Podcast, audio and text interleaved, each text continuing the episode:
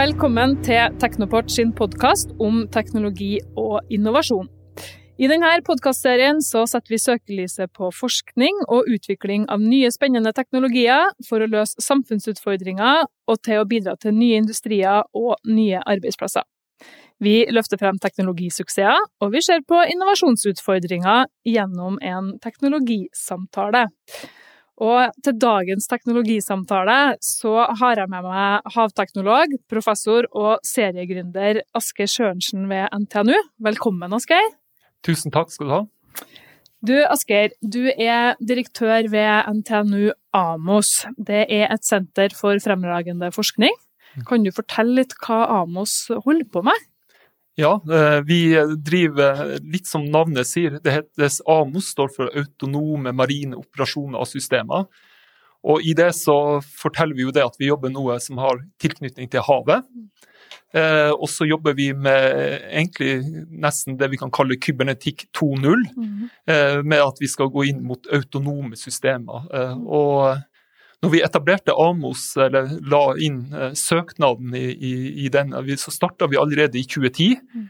Lang prosess, og da prøvde vi som forskere altså, å se inn i glasskula hva kommer oss, hva er de nye driverne og muliggjørende teknologiene. Og vi så det at uh, IKT og kybernetikk og havromsindustrien sto foran et sprang med, med det med autonomitet. Mm. Vi så maskinlæring ville komme eh, igjen.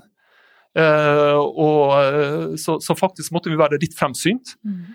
Og så bestemte vi oss for, uh, for, at vi skulle ha en fokus rundt uh, autonome system uh, retta mot havrommet. Mm.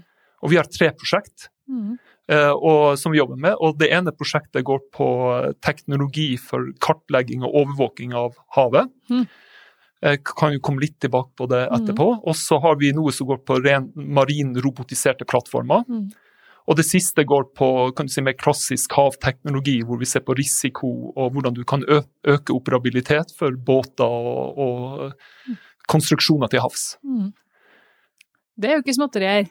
Nei, Nei. Og, og, det gjør ikke saken noe mindre at vi er inne i Norges viktigste næringer, ja. altså den blå økonomi. Mm. Så, eh, så, det er jo litt sånn vår ære og vår makt. Ja. Eh, og vi er inne i shipping. Mm. Og hvordan omstiller du f.eks. Eh, maritim transport, hvor Norge er en stormakt til havs? Mm, mm. og Hvordan skal du bevare en sånn posisjon midt i sånne omstillinger som verden står foran, eh, mm. med både miljøutslipp, men også økt eh, intelligens og, og, kan du si IT. Og så har du olje og gass. Eh, vi kan si mye om olje- og gassvirksomhet, men mm. eh, Norge er fortsatt en del av verden. Mm. Og vi tror fortsatt nok at olje eh, og gass kommer til å være en viktig del av energimiksen framover. Mm. Samtidig som i likhet med de store oljeselskapene, eller energiselskapene som det mm. faktisk heter i dag, så ser vi at det kommer fornybar energi til havs, og vi mm. jobber også med, med det. Og så har du havbruk. Mm. Eh, som er en, eh, en, av våre mest voksne næringer, som står også for mange av de samme utfordringene som vi har sett i olje og gass. Hvordan, hvordan skal du ta eh, kan du si både det å drive verdiskapning, samtidig ha en sunn og bærekraftig forvaltning. Mm. Og så er vi Det er ikke slutt med det, vet du. Eh, og du har fiskeriene, mm. Eh, og vi er faktisk inne og ser på En er fisk av vanlig eller fiske, fisking av vanlige fisker som vi er vant til å, å se på, men, men, det er også andre ressurser i havet knytta mm. til krill. Mm. Det er vi litt kjent med, og hva med raudåte? Mm. Eh, som også kan gjøre at du kan gå ned i lavere trofiske eh, eh arter. Mm. Og så går du videre til uh, havmineraler. Mm. Og Norge er jo en av de få landene i verden som uh, har uh, kan du si, grense opp med vår kontinentalsokkel, faktisk opp mot det midtatlantiske rygg. Mm. Og, og, rundt sånne spredninger der er det kanskje større forekomst av mineraler. Mm. Det er også en del av, mm. av dette her. Og så har vi en klimaendring med mm. masse utfordringer knytta til, til, miljøtilpassing av, av, kyst og infrastruktur. Mm. Og så med alt det her som går på verdiskapning, så er jo òg Norge som en stormakt i havs vi er også, kan du si, en premissgiver, og vi må liksom søke det med, med kunnskap også for, for forvaltning. Mm. Og der kommer vi òg inn med å forstå mer av havets dynamikk, økosystemer. Så, så, her er det store greier. Ja, og ikke minst masse godt å, å, ta av, tenker jeg. Du er jo inne på flere områder her, enten det er snakk om marine operasjoner, havbruk, energi. Eh, og som jeg forstår det, da, til, til bunns i det her så ligger jo kybernetikken som jeg vet ikke om man kan kalle det en teknologi, da, men mm. kan du forklare litt som så, så, vanlige folk, hvis jeg kan si det, skjønner hva kybernetikk er? Ja, det, det er faktisk i, i AMOS vi, det, det, vi er tre kan du si, sånn grunnleggende disipliner. Det ene er kybernetikk, som mm. kanskje har blitt den største. Mm. Og så har du marin teknologi. Og så har vi faktisk også, eh, når vi hadde holdt på et, eller i fem år, så fant vi ut vi må ha med biologi òg. Mm. Marinbiologi. Mm. Men hvis du tar kybernetikken, så handler det om å på en måte endre Eller først karakterisere og forstå en prosess. Hva mm. er det som uh, gjør at den har en viss type art, f.eks. en båt? Hva er det som gjør at båten beveger seg slik og sånn? Altså Der kommer miljøkrefter, vind, bølger, strøm. og så får du en eller annen type respons. Mm. Og så ønsker vi jo da å styre den. Mm. Så, så, kybernetikken handler vel langt på vei om å styre noe i en ønska retning. Mm. Du kan til og med tenke deg at du kan bruke samme systemteori inn mot uh, politikk, faktisk. Mm. ja, det er veldig mange som kunne tenkt seg å ha styrt noe i en retning ja. der, tror jeg. ja. Nei, men det er jo, er jo, mm, ligger veldig mye potensial i kybernetikken. Da. Det kan jo brukes på veldig mange områder. Mm. Eh, og du drar jo opp noen samfunnsutfordringer her som Eh, jeg tenker kybernetikken er nøkkelen for å løse. Altså når man skal ha en energiomstilling, man skal mm. bygge nye næringer, eh, så er det viktig at man bygger på kunnskapen for kybernetikken. da. Eller kybernetikken 2.0, sa du? Ja. ja. Det er et felt i stadig utvikling, da, skjønner jeg? Det, det er det. Ja. Og, og, og, og, på sett og vis kan du si at vi vi går jo tilbake til liksom sånn helt sånn fundamentale metoder knytta til uh, reguleringsalgoritmer. Vi mm. jobber med med uh, altså Hvordan skal du forstå når et system oppfører seg plutselig noe uh, som vi ikke hadde trodd det skulle gjøre, mm. og, og, du går utafor de kan du si, boundaries, eller de grensene det, det er, og, og, hvordan skal du da også optimalisere energibruk? Mm. hvordan skal du gjøre deg mer intelligent? Mm. og veldig mye av det med kybernetikken 2.0 med autonomi, det er jo knytta til at vi ønsker å gjøre systemene mer autonome. Mm. Eh, de skal bli mer eh, intelligent. Og det betyr jo at vi på sett og vis prøver å, å omsette kunnskapen til eh, vi som mennesker. Mm. Hvordan er det vi håndterer f.eks. risiko? Hvis jeg skal kjøre en båt mm. og er kaptein, hvordan vil jeg tolke kan du si, situasjonsbildet med ene bølger, vind og strøm, men hva, hvordan håndterer jeg da møte skipstrafikk? Mm. Altså, hva ser jeg? Og det her skal vi da prøve å omdanne i, i da, kan du si, sensorsystemer. Ja. Som da skal tolke informasjon. Mm. Og så er det noe som kan være eh, normal atferd. Vi kan lære systemene opp med maskinlæring. At det, eh, det her er det som skjer. Men så er det jo der hvor mennesket kommer inn. Hva gjør du når noe helt uventa skjer? Mm. Hvordan kvantifiserer vi risiko? Mm. Eh, hvordan håndterer vi risiko? Hva gjør du av mm. tiltak? Så dette er ting vi driver og forsker på, mm. både når det gjelder skip, mm. undervannsfarkoster, mm. og vi har til og med begynt å jobbe med satellitter. Mm. Eh, men det går jo tilbake til havkartlegging, det kan vi komme litt tilbake til etterpå. Men, men akkurat det her, eh, den omstillinga, hvordan du, du, kan du si, lager systemene billigere. Mm. Det er et poeng. Mm. Eh, så du er en konkurranseelement her mm. i å være lønnsom. Mm. Men vi ser òg at du, du, du, kan lage helt nye eh, kan du si, løsninger som, som da løser problem. Så hvis du mm. tar f.eks. nå et av de viktigste kravene i, i, shipping, det er jo mm. at vi skal redusere utslipp fra eh, skip med 50% innen 2050. Høres kanskje ikke så ambisiøst ut, men, men det er krevende. Og, og, da er det mange tiltak du kan gjøre. Det ene er jo at du kan lage mer eh, energivennlige kan si, brennstoffkilder med, mm. og så og du kan bruke gass. Mm. Du, men, men, så er kanskje ikke det heller nok. Så vi må kanskje òg gå inn i en sånn renessanse på hva gjorde vi før, med, med å til og med å bruke seil. Mm. Men så er det òg at du lager noe helt nye mønster. Så mm. en av de viktigste grunnene til at skip og forurenser mye, det er at du går ganske fort. Mm. Og det er ikke alle varene som trenger å gå så fort. Nei. Det kan godt være at du Karianne, mm. sier at det er helt greit for meg å vente eh, mm. kan du si, fire uker på å få noe varer mm. eh, for å spare miljø. Og da mm. vil du kanskje gå veldig sakte. Mm. Og da, eh, og da, kan plutselig autonome båter være noe som kan gå tufle sakte over havet mm. på noen type gods. Mm. Eh, og dermed får du ned kan du si, utslipp, og, mm. og du, du, endrer transportmønster, mm. rett og slett. Men når man jobber så tett da, på hva skal jeg si, det virkelige livet, som det Mm. dere gjør. Altså, dere jobber jo med realistiske spørsmål og problemer og utfordringer. Eh, Så må man jo ha eh, industri, næringsliv, de faktiske brukerne av havrommet eh, Mm. med seg. Hvordan jobber dere sammen med, med næringslivet og industrien i de her spørsmålene dere prøver å finne ut av? Da? Ja, du kan si at når vi starta Amos, for det første så har jo vi et partnerskap med Sintef. Mm. Det er jo en eh, aktør som ligger både på forskning og inn mot industri. Mm. Vi er også veldig tett på DNVGL Mm. og Equinor. De er alle kan du si, partnere i selve Amos. Og så har vi også en rekke bedrifter som er tilknytta oss eh, som eh, assosierte eh, samarbeidspartnere. Og, du, eh, og jeg var jo litt inne på starten at hvis vi begynner å tukle med Norges viktigste næringer, Mm. så, eh, og med så mye ressurser som vi gjør i Amos, Mm. altså hvis vi tar med alle budsjett og alt det vi har, Mm. så passerer vi helt sikkert over 1,2 milliarder. Mm. Ikke, sant? småpenger. Nei, det er ikke småpenger. Og, vi og det er helt klart at vi Altså, vi er på en måte selvstendige og vi er fri, Mm. men eh, det vil være veldig dumt av oss å ikke være godt kalibrert Mm. med eh, kunnskapsrike, kan du si, samarbeidspartnere. Så vi bruker mye tid Mm. eh, med alle våre partnere med, og de andre bedriftene til å være kalibrert.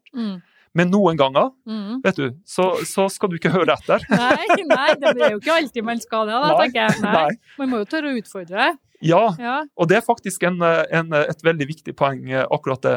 Fordi at eh, vi, vi driver jo med, eh, kan du si, og kanskje mesteparten av det, ikke bare Amos, men forskning fra NTNU og, og sikkert Sintef òg, det er det vi kaller inkrementell. Og med inkrementell mener jeg ikke at det er dårlig kvalitet, Mm. men det er på en måte at du står på skuldrene av det som finnes, og så Mm. har du en, en utfordring, og så flytter du noen grenses, eh, et hakk videre. Mm.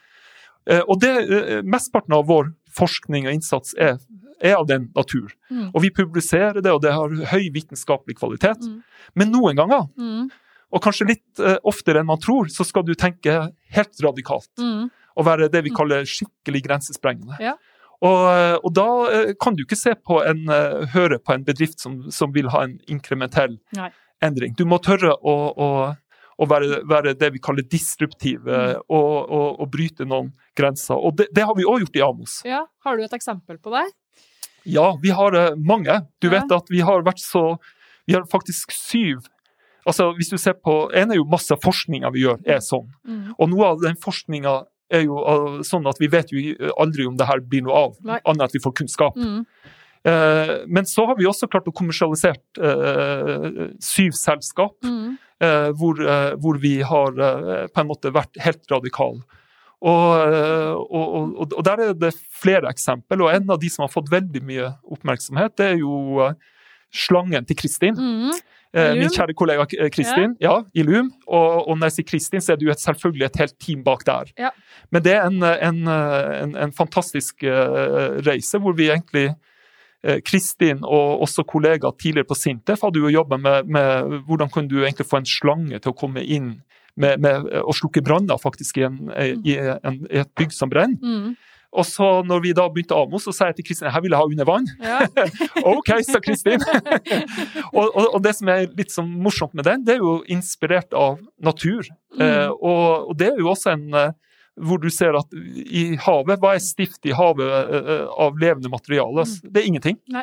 Så, og da handler det om både at du kan være smidig, du kan Mm. være rask, du kan på en måte bruke mindre energi, og du Mm. kan plutselig gjøre ting vi ikke har gjort før. Mm.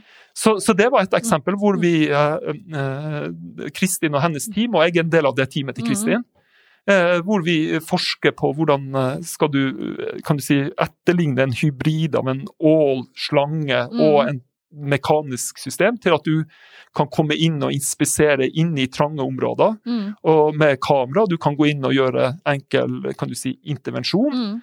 Og sammen med Equinor eh, så ble vi også enige om å- at vi, hvorfor ikke plassere de her på bunn hele tida. Mm. Eh, og det er klart at da, da har plutselig Equinor som en kunde og en bruker mulighet til å ha en vaktmester som fer rundt der Mm. hele tida, for å Mm. sikre at ikke det skjer noe. Mm. Men når du gjør det, ikke sant, så fjerner du plutselig potensielt mange arbeidsplasser Mm. knytta til båtoperasjoner Mm. osv. Som vil bruke mer energi. Så her har du en løsning som er disruptiv, Mm. og bruker mindre energi, øker Mm. sikkerhet. Mm. Og så tenker vi da at uh, det her må vi lage arbeidsplasser av. Mm. Det, jeg tenker jo det at det, uh, um, der teknologien gjør eh, sprang, om ikke kvantesprang, og den gjør at arbeidsplasser forsvinner, så oppstår det gjerne nye. Ja. Det er jo litt sånn, at, eh, men det er andre typer arbeidsplasser enn det som kanskje var der, eh, var der før, vil jeg jo tro.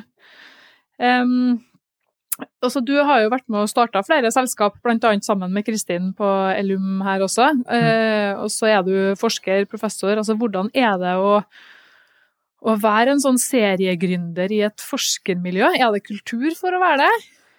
Eh, vi har etablert en kultur for det. jeg tror det er riktig å si. Nei, eh, altså vi, eh, er, på- en måte så finnes det faktisk mer kultur i veggene på NTNU enn mange tror. Mm. Der jeg tok doktorgrad, det var på teknisk kybernetikk, og der hadde vi en professor som heter Jens Glad Balken. Mm. Og, og, og han, eh, Nå kom det ut en bok som heter 'Rabiat'. eh, Alltid rabiat. Rabiat og radikal. Ja, ja, nettopp. Nei, så, så det, men, men det er nok ikke eh, den kulturen som vi ønsker å sette sånn i system. Så, så på vegne av NTNU og AMOS så ønsker vi å flytte komma. Mm. Og jeg, og jeg mener at det er fryktelig viktig, og det har jo nok vært en, en, en, en motiv for meg å ta så tak i det. For jeg har jo ved siden av å ha vært på NTNU, så før jeg, jeg var ferdig doktorat, så jobba jeg mange år i industri. Mm. Og, og prøvde liksom å se hvor er Norge i dag. Og, og av og til så føler jeg meg som han her eh, Jakob i Gamle testamentet, som sitter i brønn. eh, Og så blir han, kommer han etter hvert til farao. Ja. Og så har du hatt syv, eh, syv gode år, og så, så, så tyder han drømmen om syv dårlige. Ja.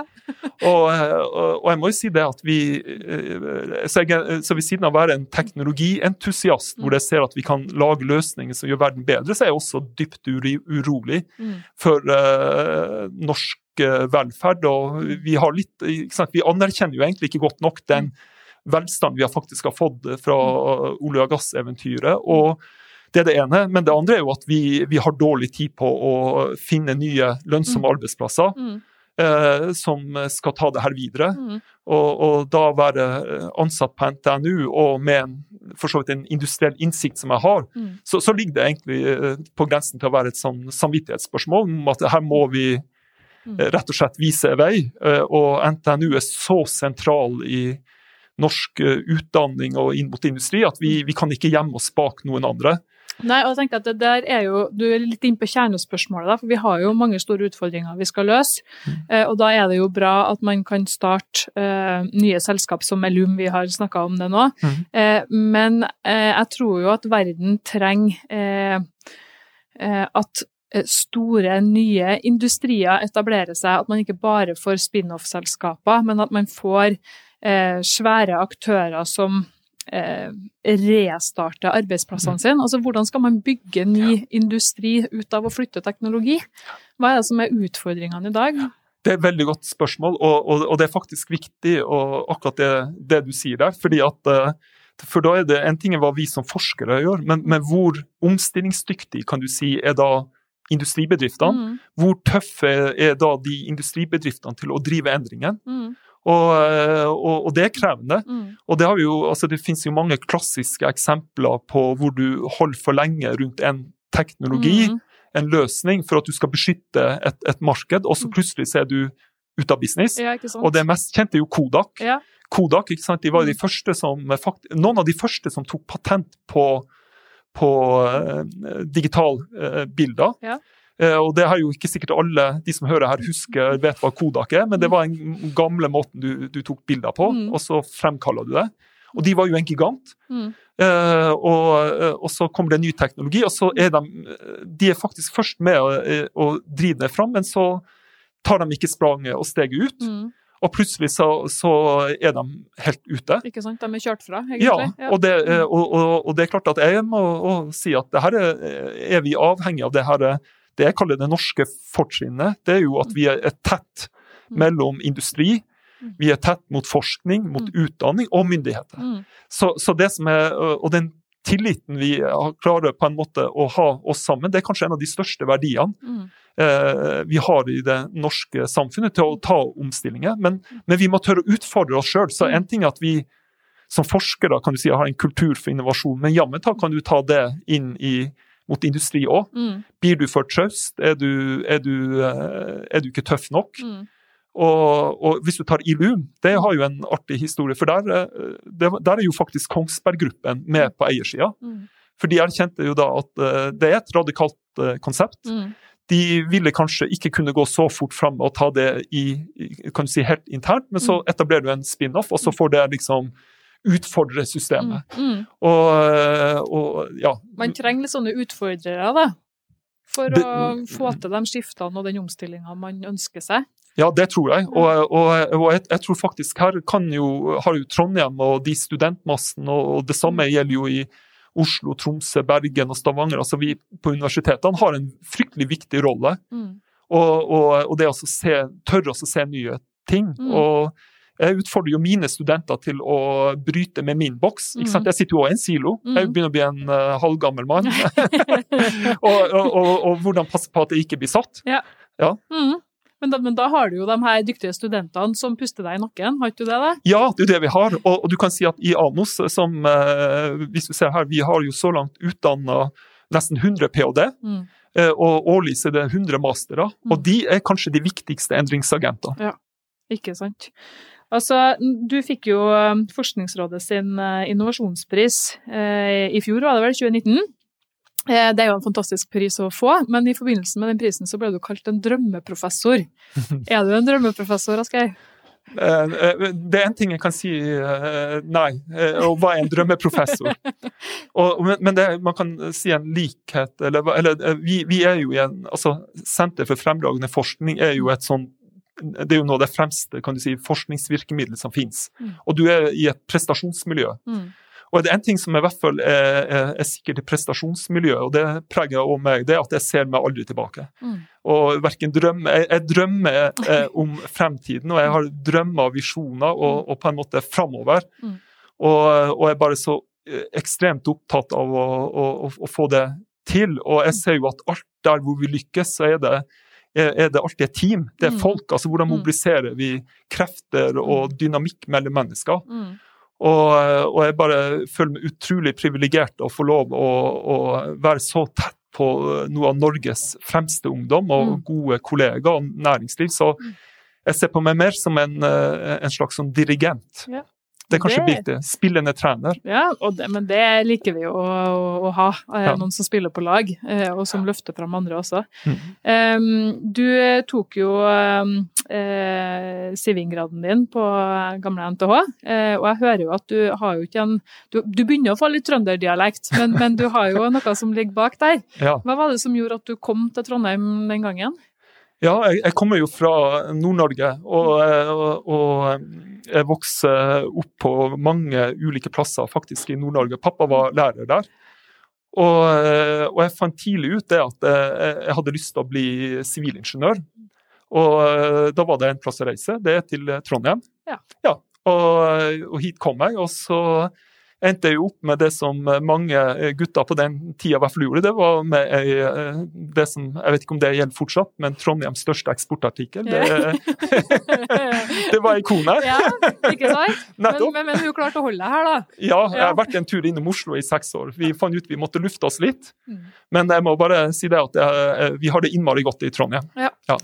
Men, men det er jo mange som skal gjøre det samme valget i dag som du gjorde når du var 19-20 år og reiste til Trondheim. Um, og hvis du tenker på den her 20 år gamle Asker da, som tok det valget og, og gikk for Sivingen i Trondheim, Mm. har du noen eh, råd til dem som er studenter i dag, og når de skal velge eh, veien sin videre? Ja, jeg- jeg bruker ofte Jeg får faktisk mange ganger det spørsmålet. Jeg stilte det sjøl på den tida. Jeg bruker å si at det er, det er to spørsmål du må kunne si ja til. Det første spørsmålet liker jeg det jeg skal utdanne meg til. Mm. Det, det er punkt én. Mm. Punkt to kan jeg leve av det. Mm. Så jeg er jo litt sånn pragmatisk, kan du si. at, eh, Og hvis du kan si ja på begge, så, så har du antagelig et godt valg. Mm. Men jeg, men jeg tror jo i en verden i omstilling, så må jeg jo også si at eh, det er mye snakk om eh, morgendagens helter. eh, Og ungdom er morgendagens helter. Jeg er ikke enig, de er dagens helter. Mm. Greta Thunberg har jo vært en enorm inspirasjon for meg når det gjelder miljø. Og, og jeg vil jo si til eh, ungdom det at du, at du søker kunnskap. Mm. Eh, og jeg mener jo også det som er enda mer fremtredende i dag, det er jo den tverrfagligheten, grensesprengende. Mm.